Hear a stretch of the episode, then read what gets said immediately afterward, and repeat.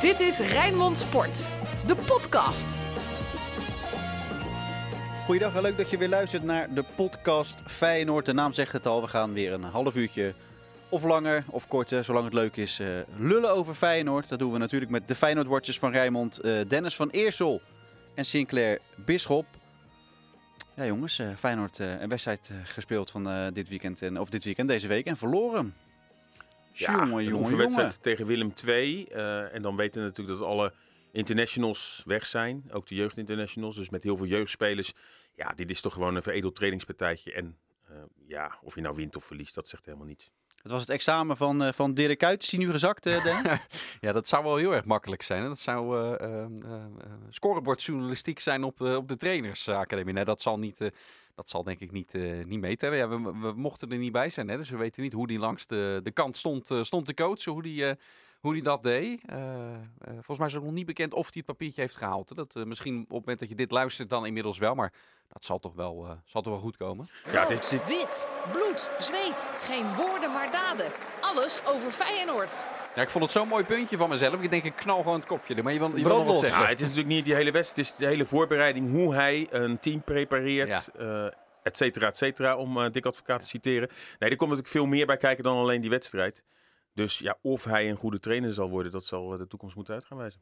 Wat zijn die oefenpotjes? Kijk, het is voor eh, bijvoorbeeld een Prato, die gewoon eh, eh, weer eens minuutjes mocht maken. Misschien wel Feyenoord, toch zijn oefenwedstrijd. Het is, niet- alleen maar voor Dirk Kuyt geweest. Ja, weet je, ja en nee. Want elke voetballer die je spreekt, heeft natuurlijk diep van binnen een, bloedhekel aan dit soort potjes. Hè, wij zijn vaak genoeg, en ik, ik kijk Sinclair nu aan, ook in de Kuip geweest bij die wedstrijdjes van Feyenoord 2, hè, toen je er nog bij kon, kon zijn. Hè, dat, dat een Larsson daar in zijn minuten maakt, of, eh, of een Bilal, of nee, ik kan iedereen opnoemen de laatste jaren. Ja, het is weinig inspirerend. En natuurlijk, makkelijk gezegd, maar ja, dan moeten spelers uit zichzelf halen. En dan heb je de kans om weer te spelen. Inderdaad, dat is goed voor Pratten, dat is fijn. Maar als je toch ook een beetje daar doorheen kijkt, is het gewoon natuurlijk onwijs kut om dat soort wedstrijdjes te moeten spelen. Ja, het het is toch wel- veel fijner om, te, om zo'n wedstrijdje te spelen dan te trainen, of niet? Ja, maar het is wel leuk voor heel veel jeugdspelers. hè. Er zijn tien jeugdspelers die mochten aansluiten. Kijk, voor die jongens Maar dat is alweer anders, hè? is dit inderdaad een stap al. Dat je met eh, toch hè, eh, de bepaalde grote spelers een week kan meetrainen. En daar veel van, veel van leert. Toch een, be- een, een wedstrijd met die hele voorbereiding mee mag maken. En Willem II was redelijk wel voor oorlogsterkte. hè. Zelko Petrovic. Natuurlijk, hè, zo is die wedstrijd ook waarschijnlijk eh, tot stand Mhm. gekomen. Eh, dus wat dat betreft heeft het voor heel veel mensen pluspunten. Ja. Haps heeft weer eens op de linksbackpositie kunnen spelen. Wat ik opvallend vond, keek naar de opstelling, ik zag geen Jurgensen. Die heeft sowieso geen minuten gespeeld. Is natuurlijk niet opgeroepen voor Denemarken. Dus is hij geblesseerd? Hebben ze hem rust gegeven? Dat weet ik niet. Proberen we achteraan eh, te gaan. Maar ja, voor, voor heel veel spelers is het wel even lekker om rippen te hebben. Want er wordt deze week getraind, ja. En wat is dan toch leuker dan alleen maar trainingen? Dan in ieder geval een wedstrijd spelen in Tilburg. Ja, en iedereen deed een beetje eh, spastisch toen Kuit wegging. Kuit weg bij Feyenoord. eh, en dan was hij, is hij gewoon een maand later weer Ja, terug. hè? En dan doet hij zijn examen gewoon bij Dick Advocaat. Ja, mooi hè? Want er werd ook geïmpliceerd Ja. eigenlijk dat eh, dat er ook echt een, een, een breuk was. Hè? Eh, dat, dat mensen, dat Kuit met sommige personen niet meer door één deur kon. Zelfs advocaat werd daarin, eh, werd daarin genoemd dan. Ja, en ik vind het dan wel mooi als hij uiteindelijk dan eh, gewoon die, die, die, die afstudeerstage of zijn praktijkexamen, dat is het juiste woord.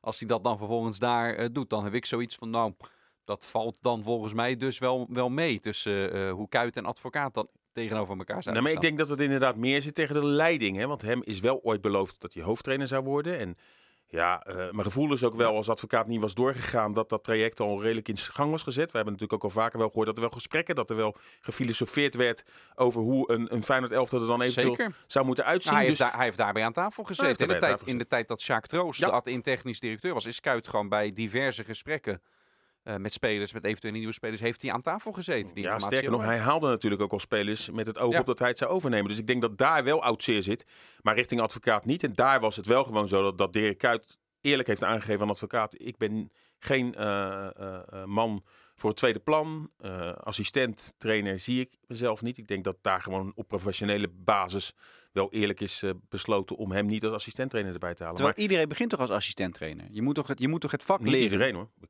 kan zat voorbeelden noemen van eh, die, die wel gelijk En die geslaagd zijn ook? Ja, Wie dan? Nou, ik, ik, wat is ges- geslaagd? Want er zijn natuurlijk tal van trainers. Kijk, Frank de Boer, daar ga je lachen. Nee, Frank de Boer is geen goed voorbeeld. Maar er zijn een paar Die is voorbeelden. assistent geweest Ja, bij die is assistent. Maar er zijn echt een paar... eh, nou, Zinedine Zidane, daar heb ik hem. Die, die Koud had- er maar terug. die Ja, had- nou ja, maar die had ik, en als, ik, als ik vijf minuten ga denken, kom ik nog met tien namen. En er zijn ook voorbeelden van die niet zijn geslaagd. Maar Zinedine Zidane heeft aardig wat Europa Cups op zijn naam staan. En eh, ik weet zeker dat ik er zo dadelijk aan het eind van de uitzending nog vijf kan om. Jan-Jaap iets bijval Nee, tuurlijk, te geven. Het, het lijstje met, met mensen waarbij dit uiteindelijk niet gelukt is, is beduidend langer. Zeg, ik heb ze ook niet allemaal paraat nu hoor. Maar is Seedorf volgens mij bijvoorbeeld. veel, veel langer. Maar dat is, nee, dat, dat, natuurlijk is het hoe meer ervaring en, en hoe beter. En natuurlijk als Van Bronckhorst... eh, die is uiteindelijk bij Feyenoord, eh, heeft hij het gered hè, met prijzen halen. Maar Ja. hij had ook ontslagen kunnen worden. Want hij had ook nog niet zoveel bagage. Natuurlijk wel een paar keer eh, assistent geweest. Maar natuurlijk, hoe meer ervaring. Maar het is niet 1, 2, 3 te zeggen van dat het echt niet kan. Want er zijn echt wel voorbeelden te noemen van eh, trainers die wel gelijk in één Maar keer... welke club begint Nou, er dan ik- aan Dirk Als Kuyt? ik nog één iets positiefs over Kuit ook mag zeggen, wat ik wel heel erg goed vind eraan. Eh, eh, dus je kan hier over reden twisten. Hè, van zou hij eerst assistent moeten zijn of niet? Wat zou het meest verstandig zijn? Als hij, en hij is de enige die dat over zichzelf kan zeggen, van zichzelf weet en, en voelt van... Je moet mij niet in die assistentenrol zetten. Daar ben ik te dominant voor. Dan hinder ik die hoofdtrainer. Dan vind ik dat ook nog iets. ehm, als, als hij dat aangeeft en het blokkeert nu zelfs eventueel dat hij bij Feyenoord aan de slag gaat. Vind ik dat ook alweer iets prijzenswaardigs. Want het vergt ook dat je eerlijk naar jezelf kijkt. eh, waar liggen mijn kwaliteiten wel, waar liggen mijn kwaliteiten niet? Wat wil ik wel, wat wil ik niet? En hij, maakt, hij baseert daar ook wel zijn keuzes op. Dat, dat, ik, ik vind het wel fair om hem dat ook na te geven. Of hij het nou, de juiste, eh, of die het nou juist in, inschat zichzelf. Hè, van ik heb het ook niet nodig om assistent te zijn. Mhm. Dat is een tweede. Maar als dit zijn gevoel is, dan moet hij daar ook zeker naar luisteren en dat volgen. Guardiola, Guardiola, Mourinho. Oh, heeft, Heb ik gelijk 2 en 3. en niet, niet gegoogeld, hè? Want je zat Ja, niet maar Mourinho heeft heel lang bij, met de technische staf meegelopen, hè, met Van Gaal. Nee, die is tolk geweest. Dat is Ja, toch heel anders dan een elftal. wel Nee, ja, ja. dan ben je wel Dirk. Kuyt, Dirk Kuyt heeft jarenlang in een kleedkamer gezeten. Heeft 100 interlands achter zijn naam staan. En een jaar met Eh, Martin van Geel en- meegelopen. En, en, en, en hij is jeugdtrainer geweest een jaar bij eh, de onder 19. Dus als je nu dat, dat soort discussies wil aangaan. Ik bedoel, Mourinho was gewoon een tolk. En Ja, daarna maar- is hij eh, Porto gaan leiden. Ja, maar oké. Maar sowieso, bij Feyenoord... Guardiola. Bij Feyenoord in één keer voor het voor Feyenoord de is, het gewoon, leeuwen is het gewoon geen optie. Dat, dat, dat vindt, zet Feyenoord goed neer. En bij een andere club is, eh, kan Kuit wel zijn eerste minuten maken. Ja, bij welke club dan? Welke club in Nederland Nee, maar bij nou Feyenoord beginnen was aan het Dirk wel een optie. En dat is het meest vreemde. Dat ze hem Ja, dus voor, dat de vorige, beloofd hadden. voor de vorige beleidsbepaling. Ja, ja, ja. Maar eh, nou, bijvoorbeeld Willem II. Als ze dadelijk niet door zouden gaan met Selko Petrovic. Ja, maar Marten Vergeel zit daar. En Marten Vergeel was degene die dit eigenlijk eh, eh, heeft voorgeproduceerd bij Feyenoord. En hij zag, zag in Kuit een ideale eh, grote trainer. Dus ik sluit niet uit, mochten ze niet doorgaan met eh, Zelko Petrovic, dat misschien Willem II wel de ploeg is waar Dirk Kuyt gaat trainen. Want hij heeft zelf aangegeven het liefst niet naar het buitenland te willen hè, met zijn, Mhm. met zijn eh, privé-situatie. Wordt vervolgd, jongens. Over de opleiding is het ook al, gaat het ook al een paar weken. eh, ehm, nu had Melvin Boel gisteren een tweetje dat hij volgend jaar ook trainer blijft in de opleidingen. Eerst ver- werd er nog een mailtje uitgelekt dat hij eh, van Stanley Bart weg moest. Nou, Stanley Bart gaat aan het einde van het seizoen weg en Melvin Boel mag blijven. Dennis, wat is nou, als je het kan samenvatten... Hm. Eh, we, hebben, we hebben wel even de tijd, maar ik weet niet hoe lang je nodig hebt. Ja. Eh, de, de situatie van hoe het daar nu gaat. Nou, volgens mij heeft iedereen het ook wel kunnen lezen natuurlijk via eh, de lange verhalen die wij op onze website ook, ook hebben gezet wat de situatie is. Nou, jij geeft het al aan, dat is het topje van de ijsberg, is natuurlijk dat gelekte mailtje van Stanley Bart, waarin hij van vier mensen, waaronder Melvin Boel, eh, zei dat was zijn advies, die moeten weg. Maar Bart had zelf een aflopende contract. Feyenoord heeft aan het eind van die week bekendgemaakt dat contract niet te gaan verlengen. Feyenoord zegt daarbij, dat heeft niets te maken met dat mailtje, want dat waren gesprekken die liepen al langer. Hè, want ook, Zou ook ook, wel gek zijn, toch? Als dat de enige reden is om Natuurlijk, iemand... dat, ja. hè, dat, dat, dat, al is het hoogst onhandig, er komt er privacygevoelige informatie Ja. op tafel. Dus er valt ook iets voor te zeggen om dat wel ook zwaar te laten wegen. Maar dat is in ieder geval niet eh, wat dat besluit ehm, ehm, he- heeft geforceerd om afscheid te nemen van Bart. Nou, vervolgens gaan ze bij Feyenoord intern gaan ze kijken, ook met dat rapport van, van, van Bart en de adviezen van Bart in handen. Eh, maar ook wat, wat andere mensen zeggen van eh, met wie gaan we in het komend seizoen nog in die Academy werken. Nou, ja, Boel heeft dan zelf al laten weten eh, dat ze met hem door willen gaan. Nou, dat geldt ook voor Ulrich van Gobbel. Ehm, en bij de andere twee die genoemd worden, Remco, Remco School ja. en Mark Onderwater, ehm, is dat nog niet formeel naar buiten ehm, gebracht. En die hebben er ook zelf natuurlijk ook een, een stem. Ik kan me ook voorstellen als dit naar buiten komt, dat je ook zelf bij jezelf te raden gaat. van, hé, hey, wil ik voor een bedrijf werken waar dit soort dingen gebeurt? Ja, maar en aan de andere kant, Stanley Bart eh, geeft dat advies natuurlijk ook niet voor niks. Dus het is, ook, eh, het is wel gek dat Feyenoord, eh, die hadden eh, Stanley Bart in dienst als hoofdopleiding. En die geeft een advies, deze vier jongens zou ik niet meer verder gaan. Nou, dan kan Feyenoord beslissen, we verlengen jouw contract niet. Maar dat is natuurlijk geen 1 tweetje dat dan die vier door mogen gaan, toch? Nee, maar maar je, moet ook, moet je moet ook kijken naar de onderbouwing van, van die aanbeveling. En die aanbeveling moet je serieus nemen. Hè, want het is je hoofdjeugdopleidingen. Daarvoor is die aangenomen. Voor zijn expertise het aan. Die aanbeveling moet je serieus nemen. Maar wel nog een keertje dubbel checken van... hey, dit is wat Stanley Bart met al zijn expertise van vindt. En dan gaat Arnissen en andere mensen ernaar kijken. Van oké, en wat vinden wij ervan? Zijn we het ermee eens? Nou, en in het geval van Melvin Boel kunnen we dus hoe dan ook nu al concluderen... daar is de leiding van Feyenoord het dus niet mee eens. Anders gaan ze niet met hem door. En eh, met de nieuwe hoofdopleidingen is ongetwijfeld al gesproken. eh, hè, die, de- degene die dat gaat worden. Ja. Hoe hij eh, Feyenoord de, de komende jaren wil gaan sturen. Hè? Want en- die is er al. Nou, er, er circuleren wel wat namen. De Mooi, naam van Rini Kolen wordt ook eh, veelvuldig eh, genoemd. Ja, er worden, allereerst worden er voor, vooral interne gesprekken nu, Ja. eh, nu gevoerd. Hè? En Rini Kool is een van de mensen waarmee uh, gesproken van de is. onder 21. Juist, mijn informatie is, eh, en ook die van Sinclair, Ja. want we hebben het er voor, de opname al, al over gehad, dat dat behoorlijk concrete gesprekken al zijn. Ehm, eh, het is niet zo dat het al in kannen en kruiken is, eh, maar dat zou wel op heel korte termijn eh, zo kunnen zijn, dat Kolen dat inderdaad gaat doen. Zou dat goede eh, eh, opleidingen zijn? Ik weet niet hoe. Ik, ik, ik, ik heb Ja. zijn cv niet eh, in mijn hoofd Ja, zitten. in Ik het weet- buitenland, hè, in Scandinavië, ergens heeft hij het volgens mij wel heel erg goed gedaan. Hè? Ja. Bij, bij, bij, eh, als hoofdtrainer RBC uit mijn hoofd, Twente, was niet helemaal een succes. Maar volgens mij met jeugdwerk heeft hij Ja. wel, wel Nou, goed dat, gedaan. dat is hem. Hè. Als je kijkt naar zijn cv als trainer, eh, wat wisselend. Maar van, van wat ik hoor, het is ook weer iets wat ik, wat ik moeilijker te beoordelen vind. Omdat het minder tastbaar is. Hè. Die resu- resultaten zijn minder tastbaar dan als je kijkt een trainer. Kun je het lijstje uitslagen pakken of de plek op de ranglijst. En dan kun je uiteindelijk naar het eindresultaat kijken. Wat heeft die trainer bereikt? Hoeveel heeft hij gewonnen? Hoe heeft hij gepresteerd? Bij, bij iemand eh, die, die aan het hoofd staat van een jeugdopleiding is dat net wat minder tastbaar. Ja, je kan kijken hoeveel spelers hebben het eerste elftal gehaald bij die club waar die zat. Wat hebben die spelers daarna gedaan? Hoe is die talentontwikkeling geweest? Maar is, en, en daar hoor ik goede geluiden van, hè? hoe hij dat inderdaad heeft, Ja. heeft, heeft gedaan, wat jij ook zegt. Eh, maar wat ik zeg, het is altijd lastiger als je iemand... Een eh, visie toch ook van ja, iemand. Ja, dus dat, dat is net wat minder, minder, minder tastbaar. Ik hoor daar goede geluiden over dat, eh, eh, dat hij dat in het verleden goed heeft eh, gedaan. Wij spraken deze week, en dat komt op zaterdag online en vrijdag zit het in FC Rijnmond, met Ricardo Moniz, natuurlijk de oud-trainer van Excelsior. Ja, jeugdtrainer puur sang, om het bijna zomaar te zeggen. Is er voor hem geen rol weggelegd bij, eh, bij de Academy? Ik denk dat hij zelf heel graag zou Hij willen. heeft natuurlijk eh, eind jaren 90 al bij Feyenoord eh, op de Academy gezeten. En toen gewerkt met, met niet de minste, misschien wel met het laatste eh, echte grote talent wat Feyenoord ooit heeft voorgebracht. Oftewel Robin van Persie, hè, die eh, ook zelf aangeeft heel veel gehad te hebben aan met name zijn hè, wielcurver, noem ik het een beetje. Ja, voor de jonge luisteraars, wie was wielcurver? Nou, Feyenoord won eh midden jaren eh 70 de UEFA Cup onder wielcurver, die bekend stond om kappen en met name kappen en draaien.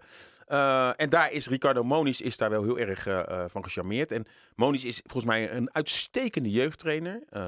Alleen, ja, is wel een trainer met een gebruiksaanwijzing. En ik weet niet of die heel erg past bij de huidige generatie van, van jonge jongens. Die, eh, hij is meer van de harde school. En, en, en bij Excelsior hebben we natuurlijk ook meegemaakt dat, dat, dat we allemaal volgens mij wel eh, eh, zagen dat het een goede trainer was. En dat zeggen die spelers ook. Alleen Ja. hoe hij dingen vertaalt. En misschien dat hoofdtrainer en jeugdtrainer, dat daar misschien nog wel een, een, een nuance in zit. Dat hij misschien iets milder is.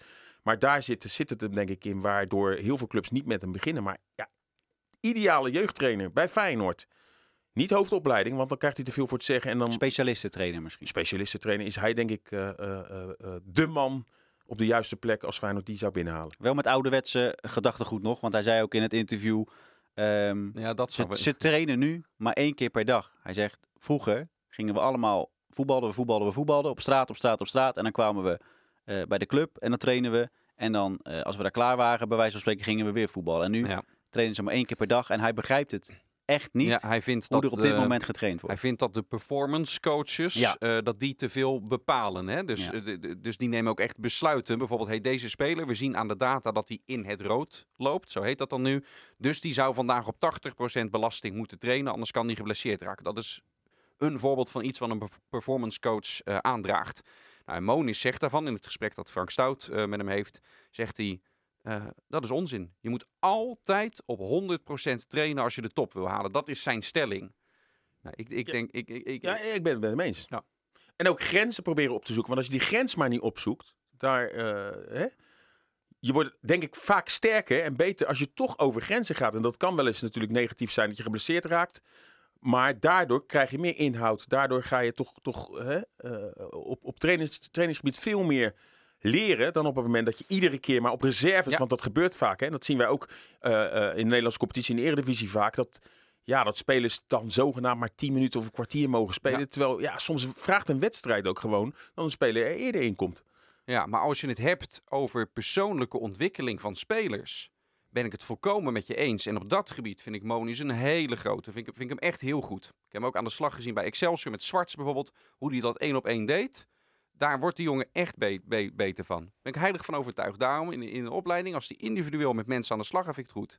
Maar als je kijkt naar het geheel als team, en daarom denk ik ook dat het uiteindelijk bij Excelsior eh, niet goed is gegaan, dan moet je ook kijken naar het grote geheel en het uiteindelijke eh, resultaat en niet alleen naar die individuele ontwikkeling. En als je gegevens hebt van specialisten die aangeven deze speler zit in het rood, als je hem nu 100% laat geven raakt hij geblesseerd, dan snij je jezelf ook in de vingers, want je hebt er ook niks aan die speler als je hem daarna weer zes weken niet kan inzetten. En helemaal niet als je een soort blessuregolf eh creëert, waardoor je Nee, uiteindelijk maar, dat is het, zes of zeven spelers gaat missen. maar dat is het extreme. Maar topsport is pijn lijden. Echt pijn lijden. Ja. Of het nou wielrennen is, is echt extreem pijn lijden. Topsport is niet Ja. gezond.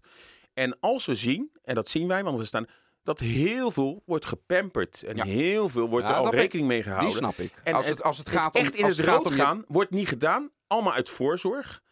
En ik denk dat de Cristiano Ronaldo's en noem ze allemaal weer op, die zijn echt top geworden door elke dag, elke dag bezig zijn met je vak, met je lichaam en met pijn lijden. Ja. En alleen dan kan je tot grote hoogtes komen. Maar er is, er is een verschil, Sinclair, denk ik, tussen je, je pijngrens opzoeken en die verhogen. Dat moet je doen als topsporter. Want inderdaad, topsport is... Maar eh, dat is dus als, je, dat als je roeiers Nee, nee, nee, Dennis- zitten na een training kotsend Nee, maar langs de kant. Zie, heb ik een voetballer nooit nee, zien oké, doen. maar Maar je moet ook, maar je moet, maar je moet ook niet... eh, Dus je pijngrens opzoeken is één. maar over een grens heen gaan dat je een spierschuring oploopt. En als je al weet qua data van deze speler is daar dichtbij...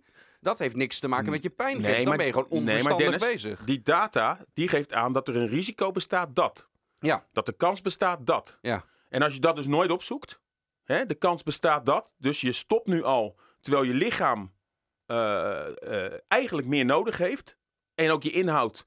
En, maar je stopt eigenlijk al met eh, uit voorzorg, want dat gebeurt altijd.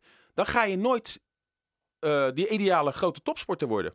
En dan, dan word je ook niet beter.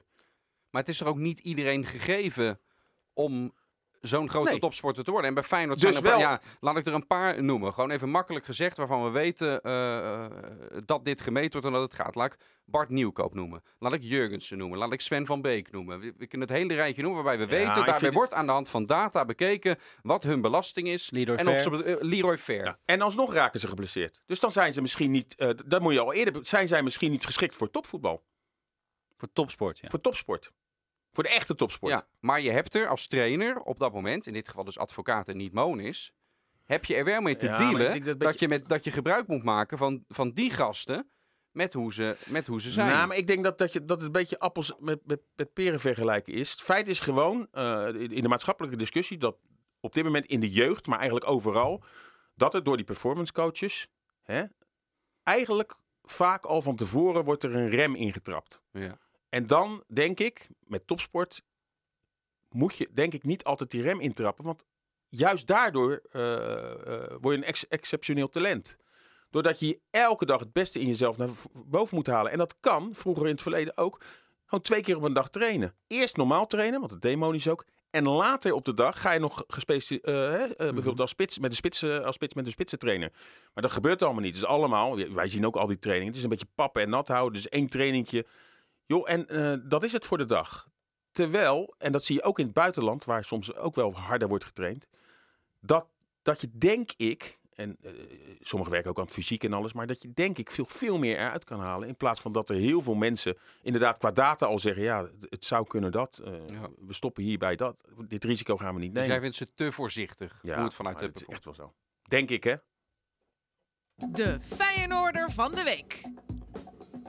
Feyenoord heeft niet... Ik heb eh, jou volgens mij een kwartier niet meer gehoord. Nee, eh, Jan heb, eh, we, hadden, we, hadden, we, hadden even, we hadden even ons eigen momentje. ademloos. eh, ik zit, Zelfs het Feyenoord-duo is wel eens... Ik heb van mijn perf- performance, of ik kan het niet eens uitspreken, performance coach, Ja, heb ik gehoord dat ik af en toe eventjes achterover moet leunen tijdens de podcast. dat? Dat ik niet volledig mijn gas moet geven. Nou, jongens, ja, het Nederlands elftal heeft eh, gevoetbald met Steven Berghuis in de basis.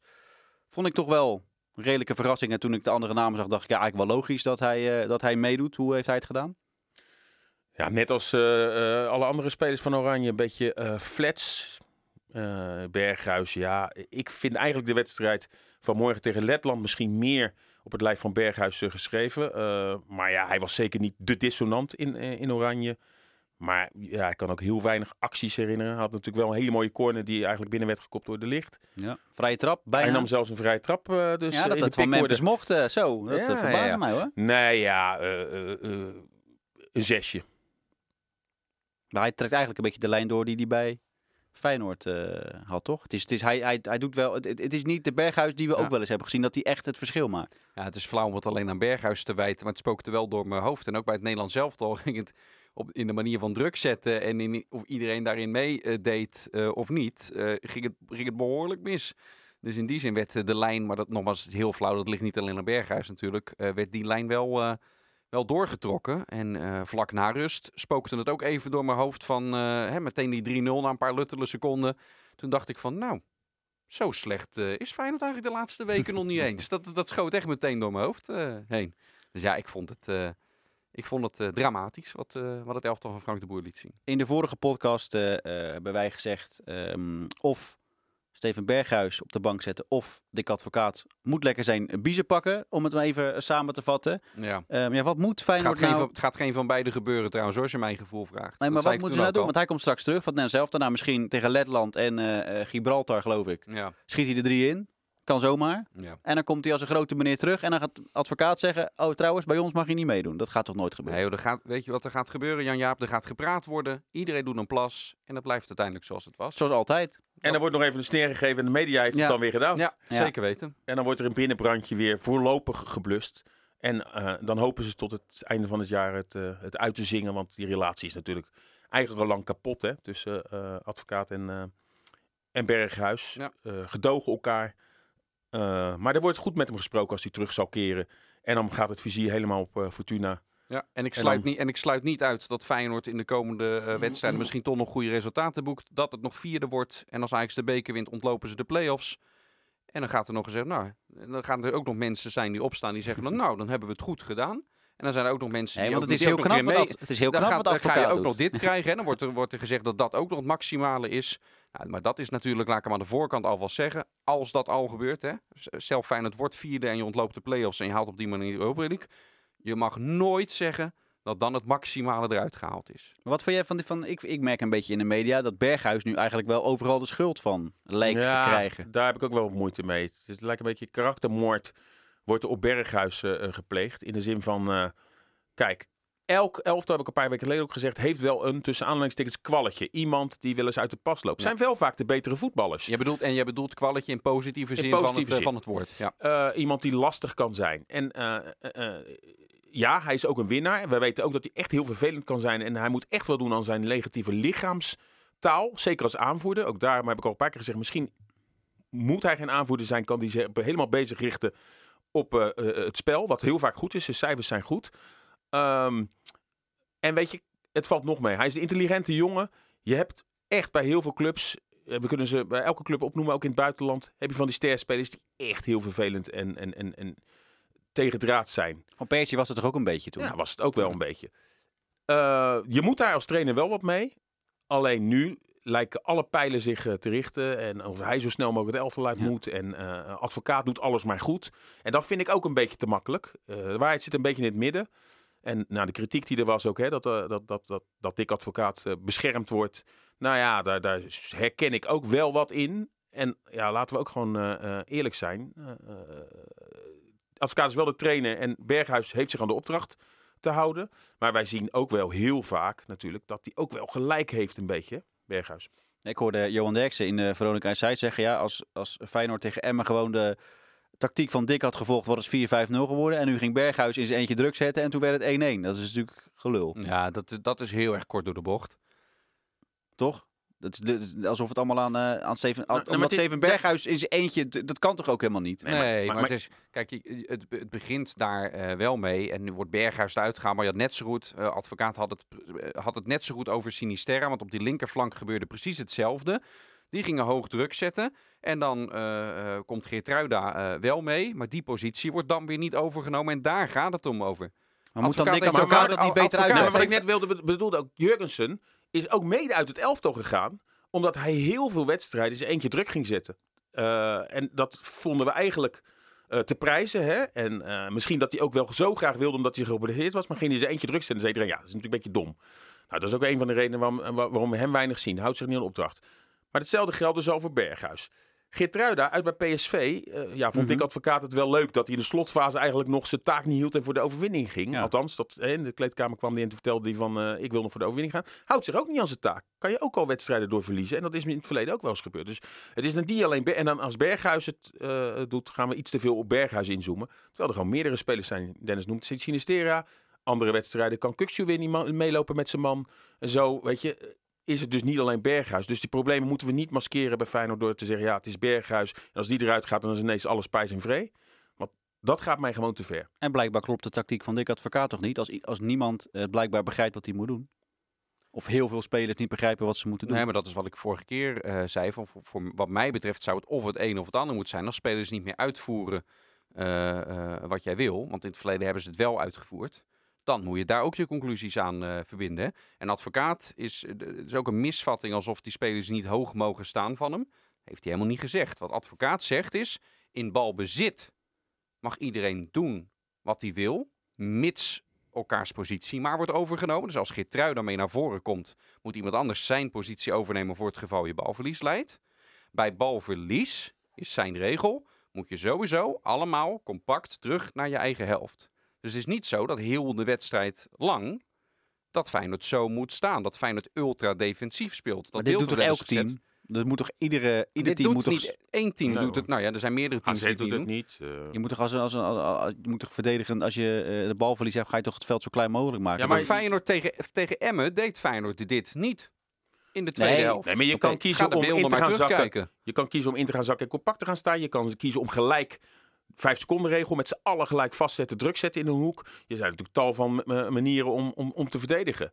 Eh, ja, en Feyenoord kiest er eigenlijk onder advocaat vaak al voor om gewoon hè, in te zakken in de omschakeling. Dus, eh, Ja, en, en, en dat doet het tegen Emmen en dat doet het ook tegen eh, Ajax. En dan is ja, bij heel veel en ook bij spelers zoiets van, ja, moeten we dat ook thuis tegen Emmen doen? Ja, Daar heb het ik ook het probleem is, Sinclair, dat ze het tegen Emmen in de tweede helft juist niet deden.